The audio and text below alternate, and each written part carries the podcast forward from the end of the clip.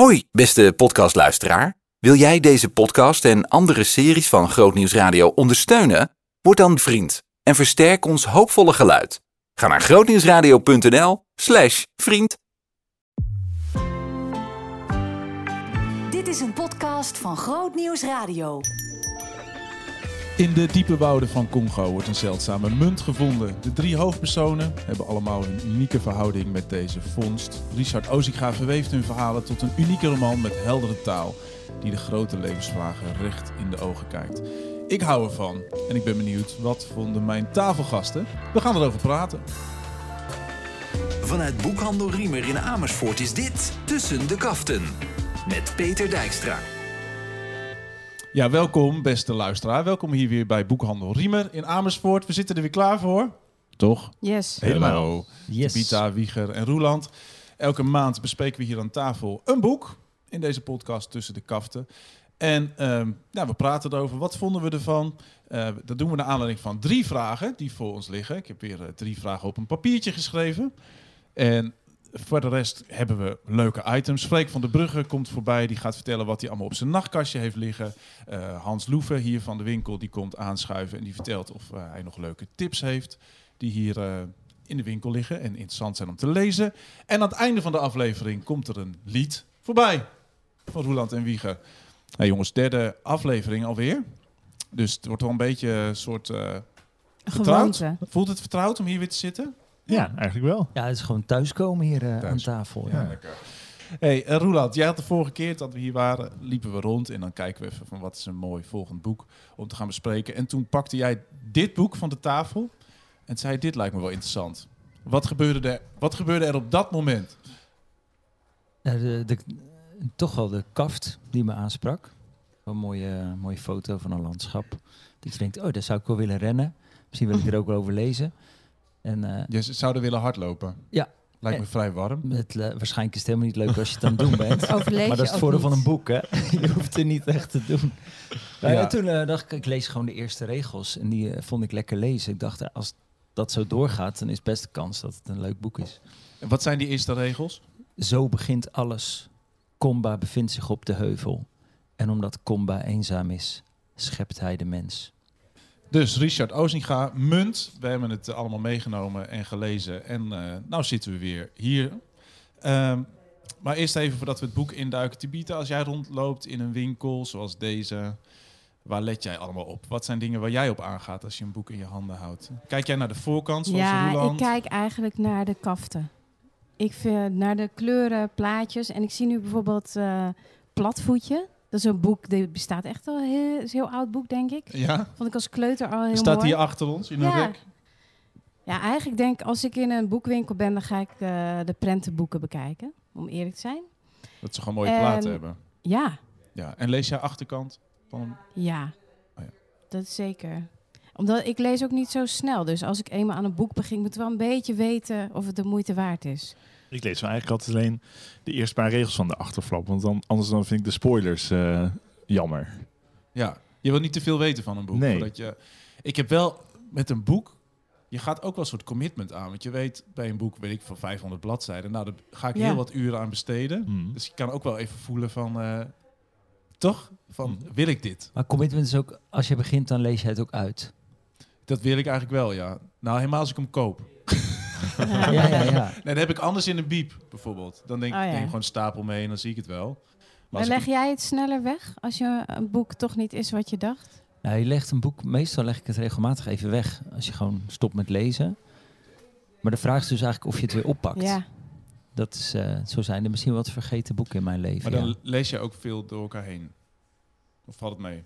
Ja, dat, dat, dat vloeit dan eigenlijk over van Ja. het ene boek naar het andere boek. Ja. En een, een goed boek is dus een boek dat de hele tijd door mij gepakt wordt tot het uit is. Ja. Zonder eh, tussendoortjes, ja. Ja, het heeft ook wel iets moois als je zegt, dit boek ga ik gewoon lezen. Dat is mijn commitment. En ook al vind ik het na 100 bladzijden niet veel aan, misschien dat het richting bladzijde 400 toch nog wel interessant Ja, wordt. ik heb dat inderdaad. Eh, Soms dan eh, heb ik wel de neiging om weg te leggen. En dan denk ik, ja, zul je zien dat de volgende bladzijde geniaal is. En hoe had je dat met dit boek, eh, Wieger? Ehm, nee, dit boek had ik niet de neiging om het weg te leggen halver, halverwege. Eh, het leest eigenlijk heel vlot. Het zijn allemaal overzichtelijke hoofdstukken. eh sommige zelfs wel vrij kort. En Ehm, Ja, had Ja. je iets van hem gelezen al? niet eerder, nee. Nee, Ooit van hem gehoord? ook niet. Nee. Nee. Voor mij ook best wel onbekende schrijver. Ja, een beetje googelen brengt mij bij Wikipedia. Dat hij economie studeerde en algemene letteren aan de Vrije Universiteit van Amsterdam. En eh, werkte als diplomaat, internetondernemer, online marketeer en zorgondernemer. Ik hoorde in een interview dat hij allerlei bedrijfjes heeft gehad met zijn eh, familie, broers. eh, dat ze heel nauw hebben samengewerkt. Maar dus ook diplomaat. En dat daar heel veel kennis ook van het buitenland en zo van, vandaan komt. Volgens mij een schrijver die put uit dus nou, kennis van het buitenland, maar ook altijd wel een soort wetenschappelijke inslag kiest. Gecombineerd met ook wel eh, wat filosofische levensvragen. Wat ik een hele interessante combinatie vind. En wat ik ook heel leuk vond in dit boek. Maar dan loop ik op de zaken vooruit. Het Parool zei, met elk boek wint hij aan zeggingskracht. En Volkskrant noemt hem een meesterverteller. Dus dat eh nodigden we uit om te, gaan, eh, om te gaan lezen. Maar Wieger, eerst maar eens even die kaften. Dus we hebben Richard Ja. Ozinga munt. En we hebben een mooi Ja. bos. Ja. Wat zie jij nog meer? Mist of nevel of wolken en een eh, bergtop die er bovenuit eh uitsteekt. Het zal de Hojo wel zijn, als je het boek leest, Ja. denk ik. Ehm, zal ik anders even de achtertekst eh, voorlezen waar die over gaat? Ja? Op een broeierige middag komt een man het winkeltje van Zhao Wei in Oost-Congo binnen. Hij wil een oude zilveren munt verkopen. Zhao is in Congo om de kostbare metalen in te kopen voor zijn oom, maar er is iets in dat onbeduidende muntstuk wat hem intrigeert. Deze munt vormt de speel in de levens van drie personen. Dat van Plamedi, de Congolese gids die hem in het diepst van de jungle vond en ermee hoopt ontsnappen aan de armoede. Dat van Eva, de Nederlandse wet- wetenschapper die met een in de haast opgetuigde Belgisch-Congolese archeologische expeditie de vindplaats van de munt gaat onderzoeken. En dat van Wei, die hoopt dat dit zilverstuk hem in staat stelt terug te keren naar China en zijn verloofde. Maar de munt laat zich door niemand gebruiken. Het is alsof die zijn eigen plan trekt. Met verschrikkelijke gevolgen. Pam, pam, pam. Yes. Ja, dus één munt, drie personages. Eh, leuk. Nog verder dingen te melden? Ik vind het wel, als, eh, als jij net nog even die achterkant voorleest, dat, dat het lijkt alsof die munt zijn eigen ding heeft. Dan wordt het wel een soort eh, ring van Frodo of zo. Ja. Ja, ja, eh. ja. Goed dat we ja. het even over Tolkien kunnen hebben. ja, maar, maar dat, is- nou ja, dat is in ieder geval mijn beleving niet. Nee.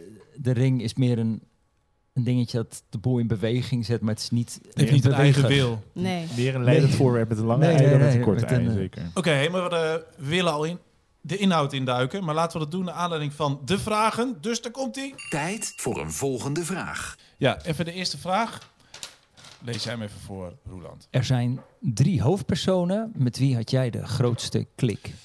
Ja, dus we hebben drie hoofdpersonen die zich verhouden op een of andere manier met een munt. Die gevonden wordt in Congo. En die hebben alle drie een eigen verhaal. We hoorden het al op de achter, achterkant. Ja, ik, ik vond uh, Xiao Wei vond ik wel eh, een interessant figuur. Dat Ja? is eigenlijk een, eh, het is een Chinese man die door zijn familie naar Congo is gestuurd om daar eigenlijk eh, grondstoffen in te kopen van, van lokale mijners. Vooral eh, goud en ehm, Ja, zilver en allemaal dingen, toch? Ja. Of niet? Ja. Coltan. ja, kotan. Ja. Ehm, en eh, dat doet hij voor het bedrijf van zijn oom. En, en eigenlijk eh, krijgt hij die job een beetje in zijn maag gesplitst. Want op, het, op zijn afstudeerfeestje, als hij zijn diploma op de universiteit heeft gehaald, zit in een restaurant en dan zegt zijn oom: Ik heb fantastisch nieuws. Jij mag naar Afrika om daar mijn bedrijf uit te gaan breiden. En de rest van de familie kijkt er zo gelukzalig bij. Fijn voor je, hè? Ja. En, eh, en hij wil het eigenlijk helemaal niet. Hij heeft een verloofde en daar wil hij gewoon mee trouwen en in, in China ehm, een leven opbouwen. Maar hij moet. eh, en, en eigenlijk is het voor hem een soort, soort ballingschap. Eh, het, is- het wordt niet helemaal duidelijk of zijn familie dat ook zo ziet of dat ze het wel echt serieus goed bedoelen. Eh, dat vind ik op een leuke manier in het midden gelaten. Maar hij, ja, hij, hij gaat daar eh, eh, in, in Congo, runt hij een, een, een shopje waar hij Ja. gemeende materialen inkoopt. En Ja, wat hij- heel filmisch beschreven wordt. Dus dat hij daar achter zo'n balie zit en dan komt er weer iemand zo heel schuchter naar binnen. En die Ja. legt dan eh, een klein beetje goud neer en dan gaat hij een beetje rekenen zo. En dan... S- S'avonds drinkt hij bier. Daar heb ik nog een citaat van. Ja? Kleurt misschien wel even mooi. Dan roept hij op een gegeven moment heel hard. Kloteland! Een hond blaft zijn antwoord. Maar verder zwijgt de nacht. Ja. Dat is een beetje zijn leven. Dat is een beetje zijn leven. In de Butembo, waar dat allemaal gebeurt. Maar Hij- de- met hem had je de grootste klik. Nou, ik, ik kon... eh, een grootste klik. Ik, ik kon met hem wel ident- identificeren. Ik vond zijn personage heel, eh, heel interessant. En eigenlijk misschien van alle personages ook wel het meest tragisch. Omdat hij eh, daar echt zo eh, ja, met zijn lot opgescheept, eh, opgescheept zit. Ehm, Ja, en op een gegeven moment komt er dus iemand binnen met die munt. Dat is zijn verhouding met zo, begint eigenlijk het, zo begint eigenlijk het verhaal dat een Congolees binnenkomt en die wil dat muntje, dat is van zilver, aan, aan hem ja, verpatsen eigenlijk voor de, voor de zilverwaarde. En hij voelt een aan, er is iets geks met deze munt, maar hij kan het niet helemaal plaatsen. En eh, maakt er een fotootje van, stuurt die rond en dan komt die eh, munt inderdaad op de radar. Ehm, maar, Ja. maar hem als personage vond ik, eh, vond, ik, eh, ja, vond ik heel tof. Ja, en hij is eenzaam. Hij wil eigenlijk terug naar China. En die munt zou voor hem wel eens de mogelijkheid kunnen zijn om gewoon dik eh, te cashen. Ja. En dan terug te gaan. Ja. Ja. En hij wil het gewoon het liefst weg. Hij vindt al die stoffige straten en honden. En Er is geen enkel goed restaurant in de, in de stad. Daar baalt hij enorm van. hij heeft één vriend. Ja. Die vond ik wel grappig. Die zit dan in zo'n restaurant. En dan gaat hij elke keer, eh, welk spelletje? Go spelen ze. Go. Ja. En dan een quote die ik wel heel leuk vond. Dat hij zegt, ja, Go heeft heel weinig regels. En dat maakt het juist zo ingewikkeld. Ja. Ik dacht, daar zit ook wel een soort diepere laag in voor misschien wat leven van die mensen daar. Er zijn gewoon, het is eigenlijk zijn leven is heel eenvoudig. Je moet daar gewoon goud inkopen en je moet het bedrijf runnen. Dat zijn de regels. Succes. Ja. En hij heeft geen idee hoe hij het moet doen. hoe hij een gelukkig leven kan opbouwen. Nee, en dat, en dat, gebeurt, eh, dat gebeurt sowieso in het boek. Want hij, hij speelt met die, met die vriend van hem, maar die is veel beter in Go dan, dan eh Zouwé zelf. En ehm, eh, hij zegt, ja, hoe je het ook went verkeerd, altijd raak ik ingesloten door hem. Hij denkt gewoon te ver vooruit. Als ze het spel spelen, dan krijgt Zouwé ook een aantal zetten voorsprong. Zo van, nou, ga maar vast. Maar alsnog verliest hij altijd. En dat is eigenlijk ook wel het gevoel dat je in het boek krijgt over hoe het leven werkt. Je hebt ja, het is niet zo ingewikkeld, maar hoe je het ook bent of verkeerd, je kunt zoveel voorsprong nemen als je wilt. eh, je wint dat toch niet. Hmm. En ehm, dat, eh, hij krijgt er ook nog een soort boek met. ehm, bij spellen worden geanalyseerd. En een heel beroemd spel wordt geanalyseerd. Dat bijna een soort bijbel is van hoe dus dat Ja. spel werkt. En hoe dus ook het leven werkt. En hij studeert daarop en probeert te leren. Maar hij krijgt het nooit echt helemaal te pakken. Dus ik Ja. vond dat mooi, eh, mooi gedaan. Ja. Ja, ik, jij zag daar wel een dubbele laag in, in dat Go-spel, in de rest van het boek. hè? Ja. Zie je dat op andere plekken terugkomen ook? Andere beelden die hij gebruikt. Nee, dat eh, Go-spel. Want je kan ook zeggen van... Er zit ook een heel groot deel over het kolonialisme. Kolonialisme. Ja. En... eh, Nou, de die- verhou- ja, Ja, dus de, de, de- nee, Congo is natuurlijk heel lang een Belgische kolonie eh, geweest. En, en de Belgen, nou, daar komen straks misschien wel op, die gaan daar ook heen om onderzoek te doen naar die munt.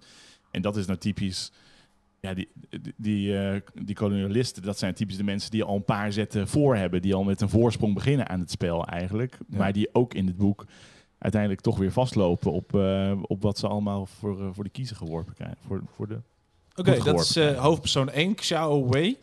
Zeg ik het nou goed, eh Tabitha? Ik denk het. Ja. En jij? Had, eh, had jij... eh, want we hebben ook nog Eva en Plamedi. Plamedi. Ik denk dat ik Plamedi, eh, dat ik daar toch het meest mee meegeleefd heb. Ook omdat hij, eh, hij wil allemaal goede keuzes maken. Hij bedenkt wel van dit, dit wil ik voor de toekomst, dit wil ik anders. Want wie is hij? Wie Plamedi? is hij? hij? Dat is een Congolese man en hij eh, eh, is als kindsoldaat wordt hij op een gegeven moment, ja, hij wordt als kind uit de bus gehaald en bij een groepering gehaald waar hij de meest afschuwelijke dingen ziet, maar ook eh, een ander aandoet. En daar wil hij, eh, dat wilde hij, hij ontvlucht dat en dat is al een, heel, een hele prestatie dat dat lukt om daaruit te komen. Dat maakte hem ook wel heel krachtig, dat ik dacht, hij zit in zo'n kleine wereld, eigenlijk lukt dat heel veel kinderen niet. Die weten niet anders dan dat dat de wereld is, die vreedheid achter elkaar. En ehm, daar kom je eigenlijk haast niet meer uit. Maar dat, hij is dat wel ontvlucht en het lukt hem om een nieuw leven op te bouwen. Hij heeft de meest gruwelijke dingen gezien in zijn leven. En probeert nu daar zich mee te verhouden. En is wer- werkzaam als gids met allerlei buitenlanders die dus daar in de jungle iets willen filmen of zo. Of, eh, Ja, hij weet daar de weg. Dus eh, zo kan hij daar zijn, zijn eh, geld verdienen. En in de toekomst wil hij ooit zelf, eh, of daar droomt hij van om in Europa opgeleid te worden om eh, films te kunnen maken. ja. Ik vond dat wel heel leuk ook aan hem. dat het begint eigenlijk met een soort standaard scène met westerse cameraploeg. Komt met eh, eh, flappen geld en hebben een gids nodig. En nou, nou, dat doet hij dan. En dan is hij natuurlijk super blij oh, met 20 dollar voor dit. Of, eh, maar dan leer je hem kennen en dan blijkt hij al heel veel meer cameraploegen te hebben ontmoet. En hij heeft eigenlijk al heel veel geleerd. Hij heeft ook eigenlijk die mensen uitgehoord over hoe doe je dat editen. Dus hij heeft eigenlijk in zijn hoofd kan hij eigenlijk al heel gave films maken. Ehm, en dat vond ik ook wel heel leuk openvouw. Denk je, dat is gewoon een super intelligente, goede verhalenverteller. Ja. Die eigenlijk snakt naar als ik de tools zou hebben, ja. dan zou ik dit doen. Ja. Want jullie vliegen straks weer terug. Maar mag ik mijn verhaal over mijn land vertellen? En het liefst zou hij naar Brussel gaan, naar België, om daar... Om het daar de- te leren. Maar eigenlijk hoeft hij dat niet, denk ik, op een gegeven moment dan. Ja. ja, hij heeft gewoon een... eh vraagt hij aan die vriend, die camera, hoe duur is die eigenlijk? Ja, dat is meer dan 10.000 euro, zegt die ander. Denkt, oh ja, dat, dat gaat me gewoon nooit, gaat gewoon nooit gebeuren. Nee. Die, die, eh, die treurigheid ervan. Maar ik vond wel, want dat, dat, dat filmen is, is hij beschrijft dat best wel uitgebreid, die Plamedie, ook hoe dat filmen werkt. En dat met name het monteren eigenlijk. En hij is met die cameraploeg nou, op een gegeven moment op pad door, de, door het oerwoud. En dan komen ze langs een stroompje. En dan zegt die cameraman of de regisseur, zegt, oh ja, loop even daar dat, dat stroompje naar boven, dan film ik het. En doe het even nog een keer, dan film ik het van de andere kant. En nou, zo doen ze vier, vijf keer die, die shots. En hij... ehm, hij zegt dan uiteindelijk in de in montage kan je als filmmaker gewoon het hele verhaal zo knippen en plakken als je wilt. Je kunt de volgorde omdraaien, je kunt het perspectief bepalen. En dat is eigenlijk ook ja, hoe hij op een bepaalde manier aankijkt tegen geschiedschrijving, waar dit boek natuurlijk ook over gaat. Het gaat ook over, ja, je kunt dus als regisseur zelf helemaal dat, dat verhaal in elkaar knutselen zoals jij wilt dat het verteld wordt. En ik vind het dan wel, wel heel grappig en ironisch dat hij dan naar Brussel wil, naar België wil om dat te leren. Terwijl ja, de Belgen die, ja, die, Ja, nou ja, ja, ja, die ja. zijn er natuurlijk een kei in om de geschiedenis zo te vertellen als het ze zelf eh, uitkomt. Ja. Eh, En het boek is zelf ook op die manier opgebouwd. En het want het is zelf, niet ja. chronologisch. Het is een soort van in elkaar geknutseld. Ja. En dat vond ik wel leuk bij het begin van het boeketje. Je bent wel in een soort puzzeltje. Want die Plamedie, om dat even af te maken, die vindt die munt. Ja. In een graf ergens tijdens een van die expedities. En daar, terwijl die Xao Wei, die heeft al lang die munt ontvangen. Dus je zit in een soort chronologische puzzel. Oh ja, dat was dus daarvoor. En eh, dat heeft hij ook op die manier knipt en plakt hij gewoon het verhaal bij elkaar. maar vond je dat heel ingewikkeld om nee, dat te niet volgen? ingewikkeld. Nee, hoor, nee. Het valt best mee, hè? Nee. Nee, er dat- was één dat- scène waarvan ik dacht, wanneer gebeurt dit precies? Maar verder... Nee, want die, eh, Ja. die, en dan hebben we nog Eva, om haar nog even te noemen. En dan moeten we naar een volgend item. Maar Eva, dat is dan nog een Nederlandse wetenschapper. En die eh, onderzoekt pollen. En Ja. die eh, wordt gevraagd om onderdeel te worden van een groot team. Want ze willen onderzoek doen eh, naar dat graf. En dan eh, hebben ze haar nodig om ook die omgeving te onderzoeken naar... Nou, wat gaan ze naar? het soort afzetting van hè, eh, gewassen en zo. Zodat ze ook kunnen zien wat gebeurde daar en welke tijd is dat. En hoe kunnen we dat plaatsen en welke tijd kunnen we die munt dan plaatsen. Heb ik dat goed begrepen? Ja. Ja, voor haar is pollen in de bodem. Als je naar beneden toe graaft, kun je eigenlijk zien welke gewassen wanneer gezaaid, geplant werden. En wanneer een bepaalde beschaving dus begon of juist weer stopte. Ja. Ja, en zij denkt, we gaan eerst naar het zuiden van Congo. Dat kan allemaal wel, dat is wel veilig. Maar het blijkt dus nu in het oosten van Congo. En ze denkt, oh, oké, maar doe maar, want het is mijn grote kans om Ja. doorbraak. Ik heb wel een leuke quote als ze op een gegeven moment dan eh, een stukje door het bos moet lopen. Zal ik die even voorlezen? Leuk. Eva is een waggelende Hollandse koe waarvan de hoeven wegglijden in de modder. Dat zag ik wel een beetje voor me. Dat was het.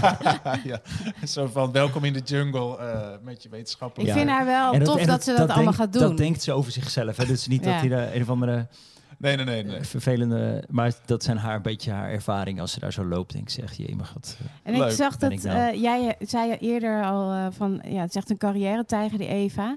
Maar ik, niet in de zin van geld verdienen of belangrijk willen zijn, maar zij houdt echt van de werk. Zij vindt het echt super tof dat je dus, als je de grond bekijkt, eh, Ja. de geschiedenis daarin kan vinden. Ja, heel leuk. En dat is wel een leuk aspect ook van het boek. Dat je daar ook toch linksom rechtsom Ja. iets van meekrijgt. Van hoe gaat zo'n onderzoek in zijn Ja, werk. En zij geeft zich op een gegeven moment eraan over. Dan zit ze aan het einde een beetje te denken. Dan is het eigenlijk, nou, eh, wie gelast daarvoor? Verschrikkelijke gebeurtenissen. Of in ieder geval, er gaan ook dus wel wat dingetjes mis. Nogal. En dan denkt zij, "Ah ja, en ik sta hier gewoon een beetje pollen op te graven. En zal het ooit zin hebben voor iets? Het maakt me eigenlijk niet zoveel uit. Ik vind het gewoon lekker om te doen. ik ben gelukkig. Het is oké. Dit wil ik gewoon doen. Dat ik dacht van, nou, dat is iets waar, waar je iedereen wel eens over nadenkt. Van, hey, wat is nou mijn leven? Wat ben ik aan het doen? Ja. Ja. ik geniet ervan. Dan zal het gewoon wel goed zijn. Ja, dus ja, ja. dit past blijkbaar bij mij. ja. En er zijn misschien nog, eh, wel, die we voor het begrip wel even moeten noemen, zijn nog de FV. Hè? Een Ja. soort, een soort eh pygmeeën Ja, groep. zeg- Zeg jij FV? Ik zeg Of even. even? EFE is het. Maar dat is een eh, Ik denk dat ze daar in ieder geval niet even zeggen. Oké, dan zou ik dat ook niet meer doen. Nee, oké. Zei het. Ah, is een Nederlands boek, hè? Weer wat ik- Gewoon geleerd. alles met veel ru- rust en tijd ook. Ja. Ja, maar Ja. dat zijn de inheemse bevolking die in, de, in het oerwoud In het oerwoud. hoor. Met ja, het oerwoud. met het oerwoud. Oh. Ja. Ja, dat is wel mooi. Ja, want hun hele beleving van de realiteit is wij zijn onderdeel van dit woud. Ook als we sterven worden we opgenomen in het, eh, in het woud. En, eh, Ja, en dat is natuurlijk zoals Richard Ozega dat dan beschrijft. Hè. En dat is, ik heb ook niet uitgezocht of het echt bestaat en hoe het bestaat. En dus dacht ik, ja, daar, daar ga ik maar niet in peuren. Dit is gewoon deze schrijver beschrijft dat volk ja. op deze manier. En dat zal ergens op een bepaalde manier wel Ja. kloppen en op een bepaalde manier niet. Maar een belangrijk thema in het boek natuurlijk ook de, die zingevingsvraagstukken, maar ook eh, de beleving van tijd, lineair, circulair zit daarin. Eh, interessant om zo meteen over te praten. We gaan eerst eventjes naar het nachtkastje van Freek van der Brugge. Nu op het nachtkastje. Hallo, Freek hier van de band Lef. En ik lees eigenlijk vaak hele verschillende boeken. Het is vaak maar net ehm, waar ik zin in heb, eh, hoe lang ik eh, de tijd heb en eh, hoe mijn energie is. En ik heb op dit moment drie boeken op mijn nachtkastje liggen. En ik ga de eerste kort even bij de titel noemen en de derde ga ik wat meer over zeggen. En het eerste boek is Het ambacht van de Secure Based Coach van Jacob van Wielink. Een superleuk boek over teamcoaching. Het tweede is Verademing. Dat gaat over ademhaling in combinatie met sport en een gezonde leefstijl, wat ik ontzettend interessant vind. Maar het boek waar ik echt wel ook echt veel op moet lachen is Het geheime dagboek van Hendrik Groen. En de titel eigenlijk aan de voorkant gaat over pogingen iets van het leven te maken. En dat is precies waar het boek over gaat. Eh, hij beschrijft op een hilarische manier dat hij eigenlijk aan het vegeteren is daar in zo'n bejaardentehuis. ehm, en omschrijft het personeel en andere bewoners daar. En hoe hij dan middels ontzettend leuke grappen en leuke anekdotes vertelt hoe hij dus iets van het leven probeert te maken. Nou, het is voor mij echt een feest om te lezen. Korte stukjes vaak. Ehm, nou, je komt niet meer bij. Dus zeker een aanbeveling waard. Hey, groetjes. Ja, Freek van der Brugge van de band Lef. In het voorjaar hebben ze 12,5 jaar jubileum gevierd. Roland, jij schrijft wel eens wat voor Lef, toch? Of ja, heb je ik, dat gedaan? ik- ja, ik schrijf wel eens met eh Freek. Wieger ook trouwens, ja. Heel leuk. Ja. Nou, Oh, en mag ik dan even zeggen dat mijn zoon verkering heeft gehad met zijn dochter? dat is misschien toch ook leuk? 12,5 jaar ook? Bijna, maar net daarvoor uitgemaakt. Oh, ja, en ik ken de vorige drummer van Lef eh, vrij goed. Oh ja, ik ook. daar lig je mee in bed, toch? Ja, heel intiem. Maar ken je jezelf echt ten diepste? Maar goed, daar hebben we ook boeken voor om een goede spiegel te zijn voor onszelf. En onszelf ook weer beter te leren kennen. Maar tijd voor Tijd voor een volgende vraag. Zal ik even grabbelen? volgende vraag. Ja, pak jij hem, Spannend, Tabita? hè? Even kijken. Welke scène sprak het meest tot je verbeelding? Ja, voor wie is hij eigenlijk? Ja, kies maar. Oh, ehm, Hmm. Heb je er zelf een? Of vind je dat lastig? ja, ik, zou, ehm, ik vind het best lastig. Ik vond heel veel scènes goed tot de verbeelding spreken. Het is mooi beschreven, niet te, te langdradig. En ehm, Ja, zijn taal is best wel eh, compact, hè? ja, Want ik was eh Alcibiades aan het lezen van eh U alleen uit Vijver, wat dikke pil. Dat zijn lange zinnen, joh. Maar goed, daar kun je ook echt lekker van genieten natuurlijk. Maar dit is echt allemaal best wel... Kijk, bijvoorbeeld op een ochtend in Butembo. Een donkere munt op een vieze doek. Een slordige afbeelding van een mannenhoofd omringt door onduidelijke tekens. De ouderdom van de munt is onmiskenbaar. Het zilver gaat schuil onder lage vuil en oxidatie. Het is allemaal best wel... Het zijn niet lange, ellenlange rijen van woorden en opsommingen. nee. En ook de hoofdstukken zijn kort. Dus eigenlijk elk hoofdstuk is wel de moeite waard om eh, even lekker in te duiken. Ja. Zal ik dan een scène noemen? Ja. Ja, Ik heb even na kunnen denken nu. Mhm. Maar eh, nou, ik vond eh één scène wel heel eh, grappig ook wel. Dan heeft Chaué eh heeft dus die munt even gezien in zijn winkel, maar durft hem niet te kopen voor een hoog bedrag. En dan gaat die verkoper weer weg. En dan zegt hij, kom maandag maar terug. En dan krijgt hij dus contact met de ambassade. En dan zijn ze super gretig. Dus dan denkt hij, oh shit, dit is hartstikke veel waard. Dus ik, ik ga heel veel geld vragen. En dan moet die koper weer komen. En dan gaat die ambassadegasten met een enorme security gast en nog een tolk... gaan in het keukentje van zijn winkel achter een groezelig raampje zitten loeren... tot de koper komt. En dan, ja, ieder persoon die toevallig die winkel inkomt... die ziet daar dan die schimmen achter dat raampje. En die komen hun goud of hun kotan verkopen. Dus die zijn al... Dus die worden dan gestrest. En dan gaat die gast uit de keuken weer zeggen... waarom zijn ze zo gestrest? Zit je dubbelspel te spelen? Ja, ja, ja. Dus alles is spanning en zweet.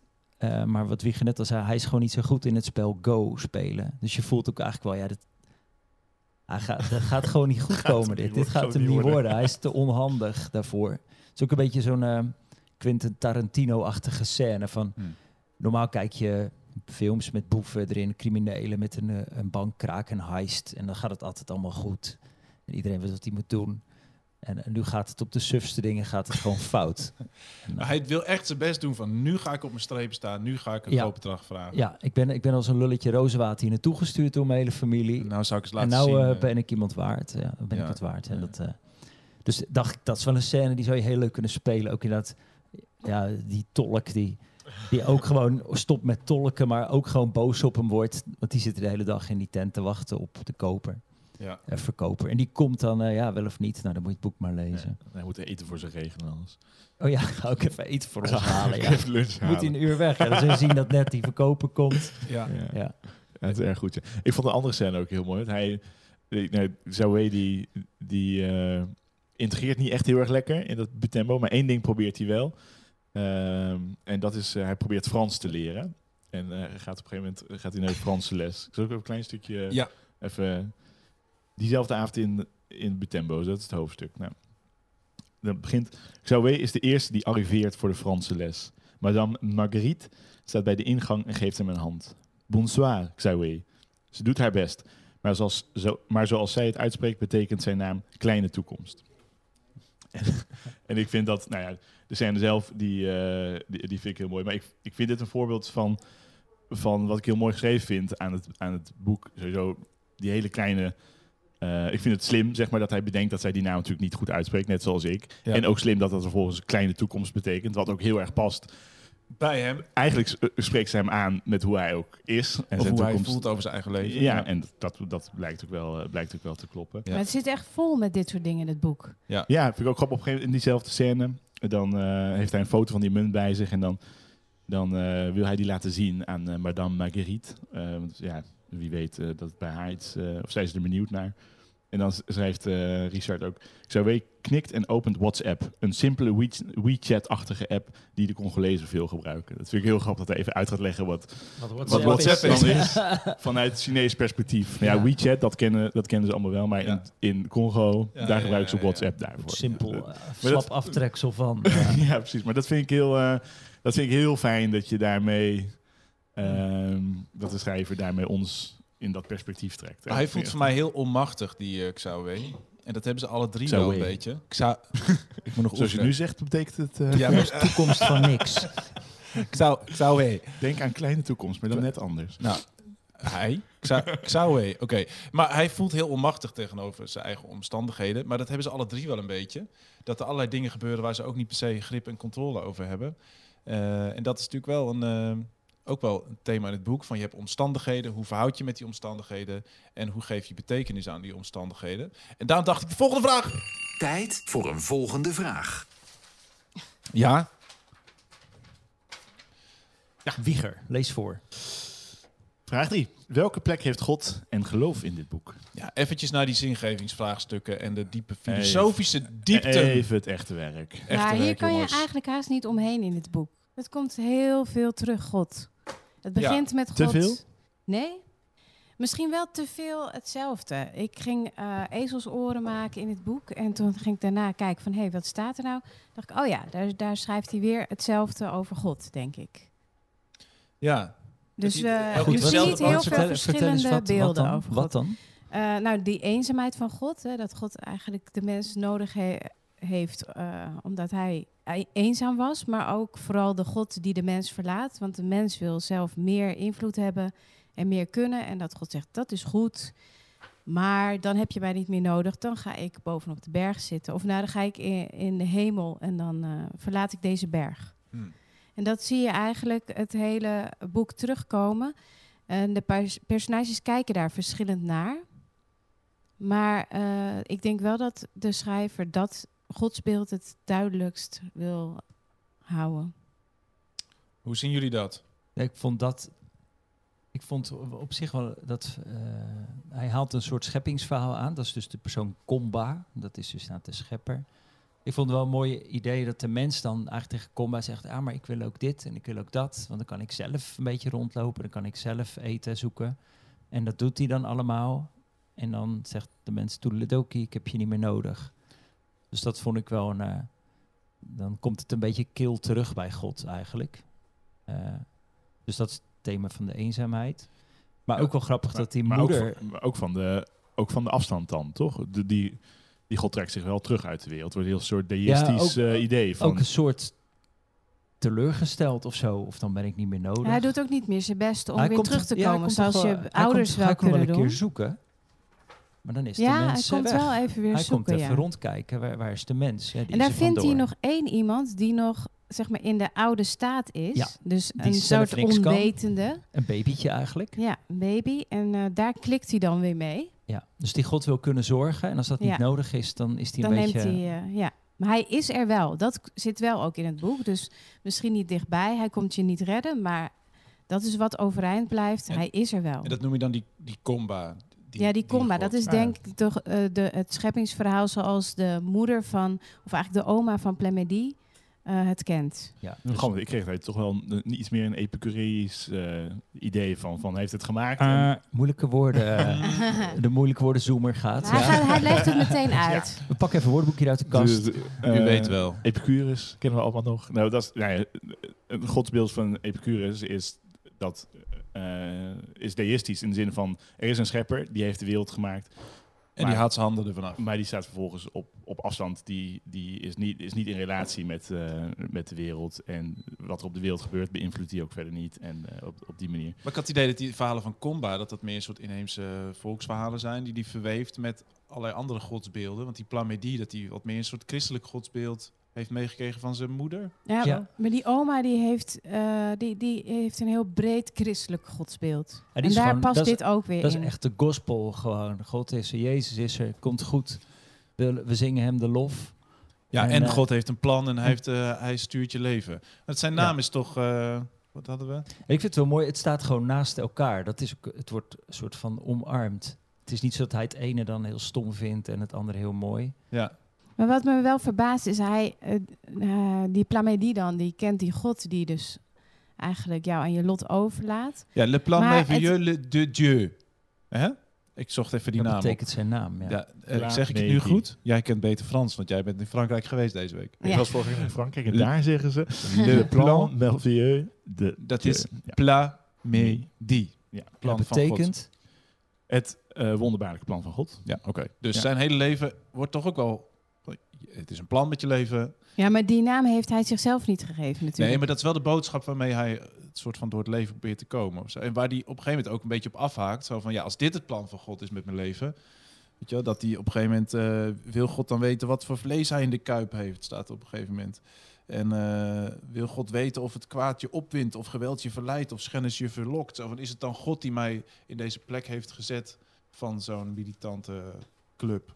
om maar te zien wat, voor- wie ik ben of zo. Soort Ja, van, is dit dan het- het plan van Hij God? vindt het een heel vrede God Ja. die hem dit leven uitgestippeld heeft. Ja. Maar hij gelooft dus wel in die God. Want je kan ook denken, God, die God neemt afstand. Eh, ik geloof liever in een God eh, die afstand van mij neemt... dan dat, er, dat ik geloof dat er geen God is. Hè. Dat, dat komt eigenlijk niet in het boek voor. Ja, want op een gegeven moment dan, eh, dat is lastig te bespreken zonder het plot te, te benoemen. En dat is wel mooi om even open te houden. Maar richting het einde heeft hij inderdaad wel van God is er dan misschien wel niet, maar hij, heeft, hij blijft zich wel verhouden met God. Ehm, van nou, als dit is wat God van hem wil weten, wil je leven, wil je leven als je leven leeg is, wil je leven als je weet dat ik er niet meer voor je ben, dan is zijn antwoord ja. Dus dat is dan wel de God met wie hij zich wil blijven verhouden.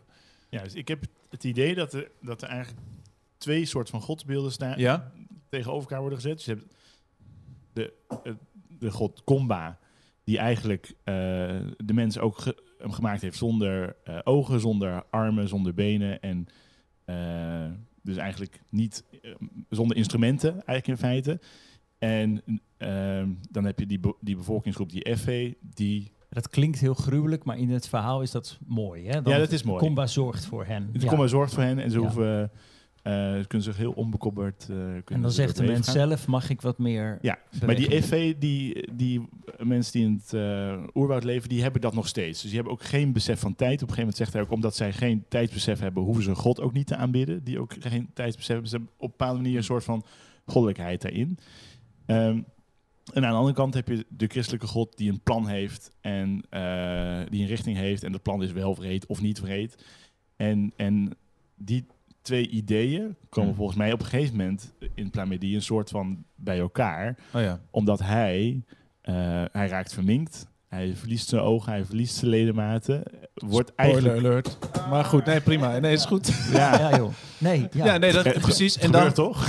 en daar en, zit en, dat... en daarmee komt hij eigenlijk een soort van terug in de oervorm zoals de mens geschapen is. En wordt hij dus, komt hij ook op die manier in verbinding met het godsbeeld van Komba. Ja. Zonder dat hij helemaal het, het christelijke godsbeeld loslaat van een... eh, van nou, kennelijk gaat het ergens naartoe. Maar dat is dan ook goed, zeg maar. Zo, zo heb ik dat gelezen. Wat ik wel leuk vond, even die oma van Plamedie. Ja. Die is dus christen. Maar die zegt ehm, op een gegeven moment, eh, wordt er geschreven over haar. Zij heeft haar eigen idee over God en wat hij voor heeft met de mensen. Wat in de Bijbel staat mag waar zijn. Maar er is zoveel meer dan dat. Zoveel wat we niet weten. Dat vond ik eigenlijk wel leuk. Hè? Als je de Bijbel leest, heel veel dingen zijn ingewikkeld. Dan wil je misschien eh, eh, geloven dat, er ja, dat een deel niet waar is. Maar zij gelooft in dat er meer dan de Bijbel waar is. Waardoor er eigenlijk veel meer ruimte wordt gegeven aan God. En ook wel aan zijn goedheid. Hmm. Is er tot slot een soort duidelijke les die je krijgt als lezer in dit boek? Er zit wel een duidelijke les in over hoe wij als Europeanen kijken, kijken naar Afrikanen. En hoe we dat eigenlijk anders zouden moeten doen. Dus dat geeft een soort spiegel van kijk eens wat, Ja. welke neiging we als Europeanen Westelingen hebben. Maar wel grappig genoeg geschreven door een Europeaan. Ja, ja, ja. Ja. Ja, dat is heel duidelijk, ja. Dus dat is wel, ja, vraag je natuurlijk wel af van, ja, dit is dus ons perspectief op wat hun perspectief op ons perspectief zou zijn. Ja, ja, ja. Nou, Hij, in mijn beleving heeft hij zich best wel onthouden van oordelen. Want, eh, dus er komen verschillende mensen in die bepaalde godsbeelden hebben. En er worden allemaal dingen van benoemd. En ook de, de wetenschapster Eva die uiteindelijk denkt... nou, ik ga hier gewoon lekker naar mijn pollen graven. En die heeft ook gezien wat een ellende haar, hooikoorts als ik eraan denk. haar ex... ja, precies. ja. Eh, maar haar expeditie heeft eigenlijk, kun je zeggen, heel veel ellende veroorzaakt. Ja. Ehm, en denk ze, ja, nou goed, dat ik dat kunnen voorkomen hebben we niet. Maar ben ik nu gelukkig, ja, dit past bij mij. Dus iets zoeken wat heel erg bij past. Ja, dat is misschien ook weer heel erg Dat eh, vond jij wel Nederland van nu. Maar dat vond je inspirerend? Ehm, nou, dat er zit dus hij geen oordeel. ingelegd. Nee. Aan de ene kant denk je, jemig, wat, wat arrogant om daar dat te gaan doen. En tegelijkertijd zegt het boek dus ook, maar ik heb hier een personage, Eva, die is gewoon gelukkig als ze dit doet. Ja. Dus gaat ze dat doen. En ze gaat er niet over nadenken of dat goed is voor de toekomst of voor het verleden. Ja, ja, ja. Ik Zij legt de opties op tafel. En als Ja. lezer kun je daar zelf gewoon je gedachten over laten gaan. Ja, dat denk ik ook wel. En ik, ik, Ja. Maar ik heb ook een beetje het idee dat hij misschien net niet diep genoeg graaft zeg maar, in de materie om er echt goede lessen uit te kunnen trekken. Zeg Ja. maar. hij, Eh, heeft, hij heeft inderdaad wel een, want het boek is niet super dik. Ehm, en hij, want Eva heeft ook nog een relatie thuis en ook nog een stiefdochter waar, waar je ook een paar scènes mee leest. Ehm, en ze zit ook nog regelmatig met die wetenschappers op het terrasje over allerlei dingen te kletsen. Dus de schrijver heeft ervoor gekozen om van veel dingen, en dat is best wel makkelijk mee te krijgen, vond ik. Ja. Maar daardoor be- betekent wel dat je niet alle dingen ook bij hem uit kunt ja, dus, dus- precies. Dus als je het over tijdsbeleving gaat hebben en over godsbeeld, ja, dat zijn we echt wel hele grote, Ja. grote onderwerpen natuurlijk. En hij legt het even neer op tafel. Niet heel diepgaand, maar wel gewoon even Nee, als thema. en je voelt over- wel een lichte voorkeur naar inderdaad het van, nou ja, eh, het, eh, het, eh, het idee van, ja, je moet er gewoon in meegaan en je moet niet al te hard werken om alles te willen beïnvloeden, want het lukt toch niet. Zoiets voel je Oh wel, maar inderdaad, al die andere dingen, ja, die zijn er ook gewoon, die mogelijk, mogelijk zijn. Maar ik had zelf niet, net niet het idee dat hij ja, wat, wat diep genoeg in de materie zat om mij te verrassen met, oh, oh ja, zo kun je er ook, ook naar kijken. Echt een heel verfrissend inzicht heb je er niet eh, door gekregen. Door het boek. Nee. Nee. Oké, dat kan. Maar we komen straks nog bij ons eh, eindoordeel. Nou, de kachelkast of Dat is cadeau. niet mijn eindoordeel trouwens. hoor. Nee, ik ben benieuwd naar wat wel je eindoordeel is. Maar we gaan eerst eventjes naar De Raad van Riemer. Hans Loef hier aangeschoven bij ons aan tafel. Die staat hier eh, in de winkel mensen te helpen. En dan trek ik even aan zijn aan zijn mouw. Zeg ik, kom even aan tafel. Dus eh, welkom, wederom. Dankjewel. Ehm, elke keer vragen we jou om eh, wat tips te geven. Je hebt hier twee boeken meegenomen. Ja. Wat heb je deze keer mee? Eh, twee dames heb ik meegenomen. Twee boeken van haar- hun. Eh, Shelley Reed, dus een debuut. Een, eh, ja, ik ken haar helemaal niet, maar toevallig heb ik haar een paar weken geleden ontmoet via de uitgever. Erg mooi boek. Ga Eh, als een rivier. zeg Ja, Ga als een rivier heet het. Staat voorop voor de lezers van Daar waar de rivierkreeften zingen. Daar heb ik altijd een hekel aan als het vergeleken wordt met een ander boek. Maar in dit rivier geval- in de titel. In dit geval klopt het gewoon. Dus het is echt een... Nou, dat was echt een mega verkoopboek, toch? Ja, Die, eh, daar precies, waar en de, daarvoor... de film van gemaakt en zo. Dus Exact, daar probeer je ze een beetje op mee te liften Ja, misschien. ja, dat is ook slim natuurlijk. Ja. Maar het, het sta- ik vind het zelfs beter dan de rivierkreeft. Het is, het is gelaagder. Eh, de vergelijking, waarom ze het vergelijken met de rivierkreeft... is dat eh, eigenlijk een vrouw alleen komt te staan... in een groot natuurgebied tegen de boze wereld. En dat is gewoon heel mooi gedaan. Hmm. Ontroerend ook. Mooie lagen, dus een mooi boek. Ja. Mooi. Ga als een rivier Ja. was dat. En dan Isabel Allende heeft weer een nieuw boek geschreven. Zij is, ze is al een tachtiger. Dus heeft een oeuvre, nou, de bekendste Spaanse schrijfster eigenlijk die er bestaat. En eh, haar vorige boek vond ik iets minder. Toen dacht ik van, nou, misschien moet ze echt gaan stoppen. Maar dit vond ik echt weer een hele mooie. De wind kent mijn naam. Prachtig. En eh, Wat maakt deze dan zo goed? eh, de verhalen, eh, de personen worden wat dieper eh, uitge, uitgegraven, zeg maar. Het, Want haar verhaal bekendste ook boek is die beter. Vio... Nou, Violette is niet haar bekendste boek, het voorlaatste boek. Oké. oh Maar ja. eh, haar bekendste boek, Huis van de Geesten, dat is eigenlijk wel een, Oh ja. eh, een wereldberoemd boek. Ja. Maar ik vond dit wel heel erg goed. Eh, wat gelaagder, betere personages, eh, v- eh, vluchtelingenproblematiek. Ja, waar gaat het over? actueel. Vluchtelingenproblematiek, ja. En dan, dan door de jaren heen, je volgt eigenlijk weer wat zij vaker doet, een familie, door een tientallen jaren heen. Eh, en ja, je zit er helemaal in. Je leeft heel met die mensen mee. is prachtig. Ja. Welke zou jij kiezen, Tabita? Nou, ik zou denk ik Isabel Allende wel eh, doen. Ik heb haar vorige boek gelezen en die vond ik inderdaad... Qua, dat ging over 100 jaar. Er kwamen zoveel personages dat ik Mhm, dacht, oeh, eh, te veel. En misschien dat dit mij dan beter bevalt. Het zijn dus net iets minder mensen, misschien Klopt, iets kortere... minder mensen. Ja. Ja. eh, Is er nog iets anders waar je naar uitkijkt? Wat er binnenkort aankomt? Ehm, poeh, even Weet je niet. denken. Nee, niet zo ja, we, er zit wel even afstand tussen dat dit online komt en dat we het opnemen. Maar Mhm. we hebben, ik zie hier eh Auka Bierde staan. Dat is eh, een groot ding geweest in het voorjaar. Ja, klopt. Ja, ja eh, prachtig boek, maar wel heel anders dan zijn eh mega seller uit 2019. Van Irene Vijver. Hotel. Ja. Ja. Grand Hotel Europa was natuurlijk een gigantisch eh, verkoopsucces. En een prachtig boek trouwens. En dit is een heel ander soort boek. Hè. Ja, dus niet voor mensen die denken Hotel Europa was gaaf. Nu ga ik deze ook eh, lezen. Nee, Dan- nee, niet automatisch. Maar ja, gezien de verkoopcijfers hebben mensen hem blind gekocht. Ja, ja, en daar is ook een hoop eh, promotie om gemaakt. ja, rond ja, dat boek. Ja. Met Ja. allemaal eh, colleges en zo, alle dingen eromheen. Ja. je Peter, dat- jij vroeg van waar let je nou op als je een boekenwinkel ingaat? Ja. Maar ik weet, Hans die schrijft hele korte, superkorte recensies eh, met de hand. Ja. Met, Ja, veel mijn pen, denk ik zelfs. Ja, Ja, en collega's. ja, Dat vind ik in deze winkel heel leuk. Dus dat je kan kijken, hey, wat, schrijf, wat schrijven zij daarover? En Ja. dan kan je meteen ook het gesprek aangaan. Ja, als ja, je is leuk. meer wil weten. Ja, Alle luisteraars naar Amersfoort, naar Riemer, om alle klein- kleine briefjes te Ja. lezen. Of Groningen. Of eh, waar zit het nog meer? Meppel. Meppel, ja, ook. Ja, Ah, leuk. je zit overal. Nou, hey, dat was dan weer. De Raad van Riemer. Ja, Hans gaat weer terug naar de klanten, de dikke rij mensen die hier. eh, ja, hey, super bedankt. Tot de volgende keer. We gaan hier weer verder met. Kachel, kast of cadeau. Ja, dit is, eh, de kachel zit er nog steeds in, sorry Wieger. En eh, dit is onze eindoordeel van wat vinden we eigenlijk van dit boek? Wat doen we ermee?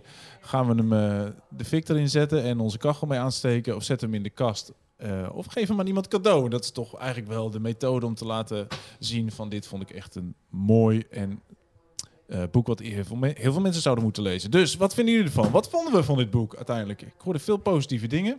Ik vond het een goed boek. Een goed boek. Goed boek. Ik vond het lekker lezen. Er zaten heel veel verschillende dingen in. Leuke vragen, goede vragen. En eh, ja, wat Wieger zei, misschien niet in het extreme uitgewerkt. Maar voor een leuke bespreking over een boek is hij perfect. Hm. Ik had hem ook aangedragen om te lezen met eh, de leesclub waar ik bij zit. Jouw eigen Mijn boekenclubje? eigen, mijn eigen boekenclubje. Ja? Omdat het heel veel leuke vragen bevat.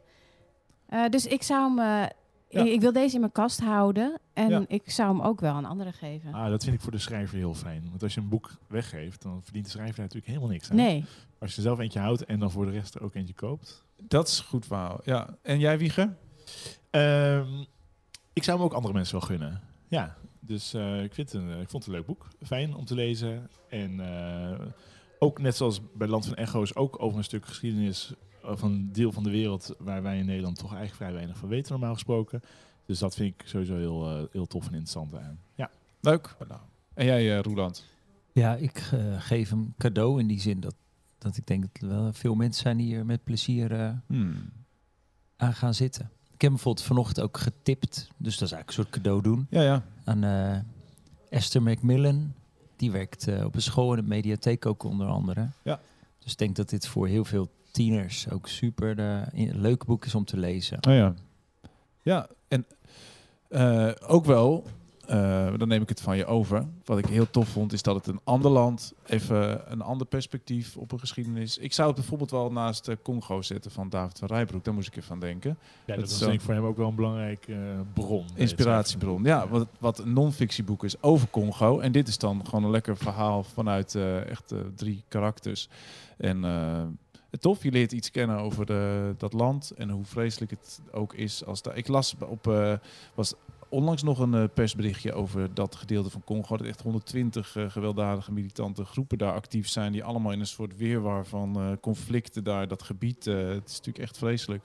En dat Congo heeft in potentie de mo- het zou het, een van de rijkste landen van de wereld kunnen zijn. Door al die grondstoffen en de rivier waarmee ze alles kunnen afvoeren. Ja, die stuw dan, hè, die kan elektriciteit opwekken voor het hele land. Maar dat is het treurige van dat land. Dat het gewoon, het, in potentie is het een van de rijkste landen van de wereld. Maar in de praktijk is het gewoon een van de armste landen. En eh dit is natuurlijk een bizarre geschiedenis wat daar allemaal gebeurd is. Eh, en dat verbreedt je blik. Ik hou ervan als een schrijver dingen aantipt, maar niet met een antwoord komt van zo, zo zit het en zo moet je erover denken. Hij legt het neer, je mag er wat van vinden.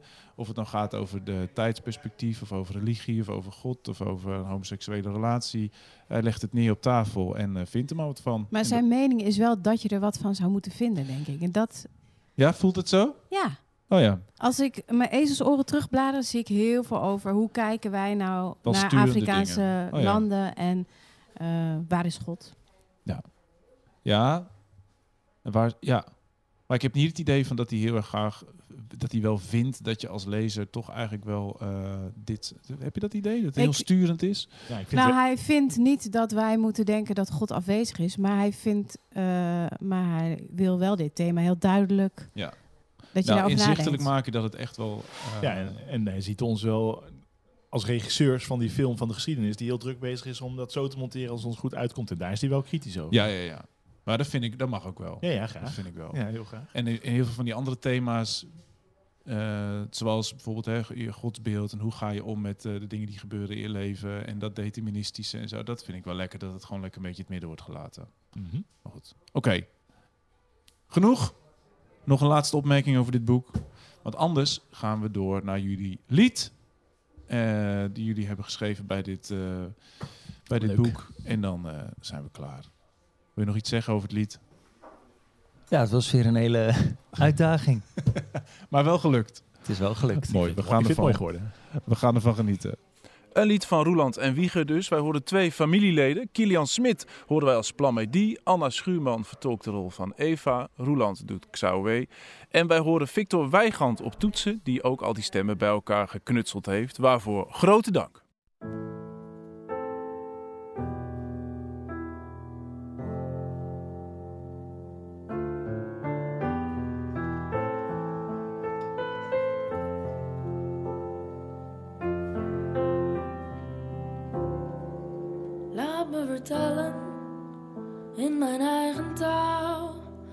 Spelen met de scènes, met mijn beelden en mijn lenzen, met mijn ruimte en mijn grenzen, mijn land, mijn verhaal en mijn stem.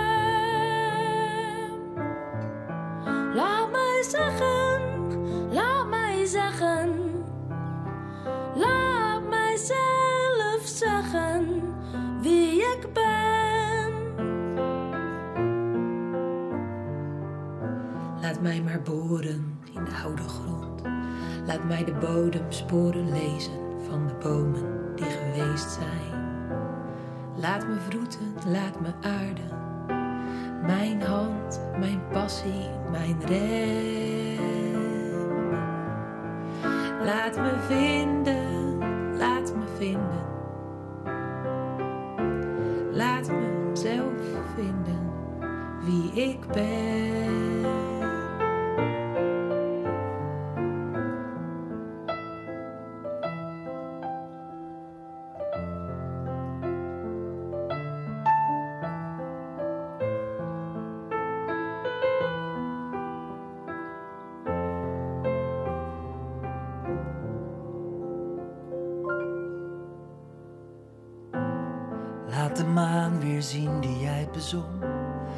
De honden blaffen in de nacht, dat jij nog op mij wacht. En dat je mij nog altijd graag ziet. Mijn talen, mijn toekomst, mijn thuis.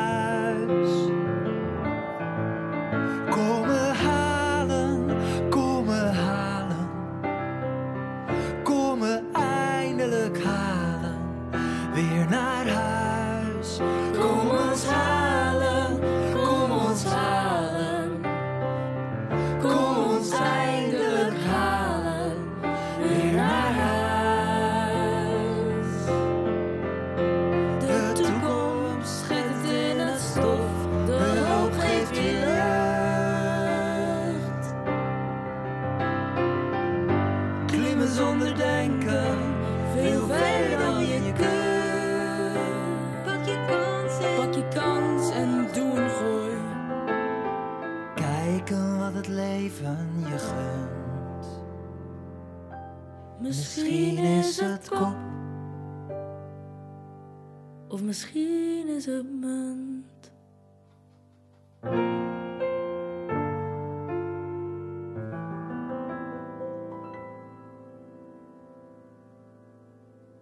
Ja, dit was aflevering 3 van de podcast Tussen de Kaften. Bedankt alle drie dat jullie hier weer zaten aan deze tafel met mij te praten over dit boek. En jullie natuurlijk bedankt voor het luisteren. Alle boeken die we hebben besproken staan in de omschrijving bij deze podcast en zijn te bestellen via boekhandelriemer.nl. Nou, vond je deze podcast leuk? Dan kun je abonneren, dan mis je geen enkele aflevering. Geef ons een paar sterretjes, uitbundige recensies, altijd leuk om te lezen. In de volgende aflevering bespreken we De Schoft van Marente de Moor. Weer een heel ander soort boek. Lees met ons mee, schuif ook de volgende keer weer aan voor een nieuw gesprek, nieuwe boekentips en natuurlijk ook een nieuw liedje. Hopelijk tot dan, hier aan tafel tussen de kaften. Doei! Zien in nog een podcast? Ga naar grootnieuwsradio.nl slash podcast. Toen kwam er een olifant met een dikke snuit en die blies het verhaaltje uit.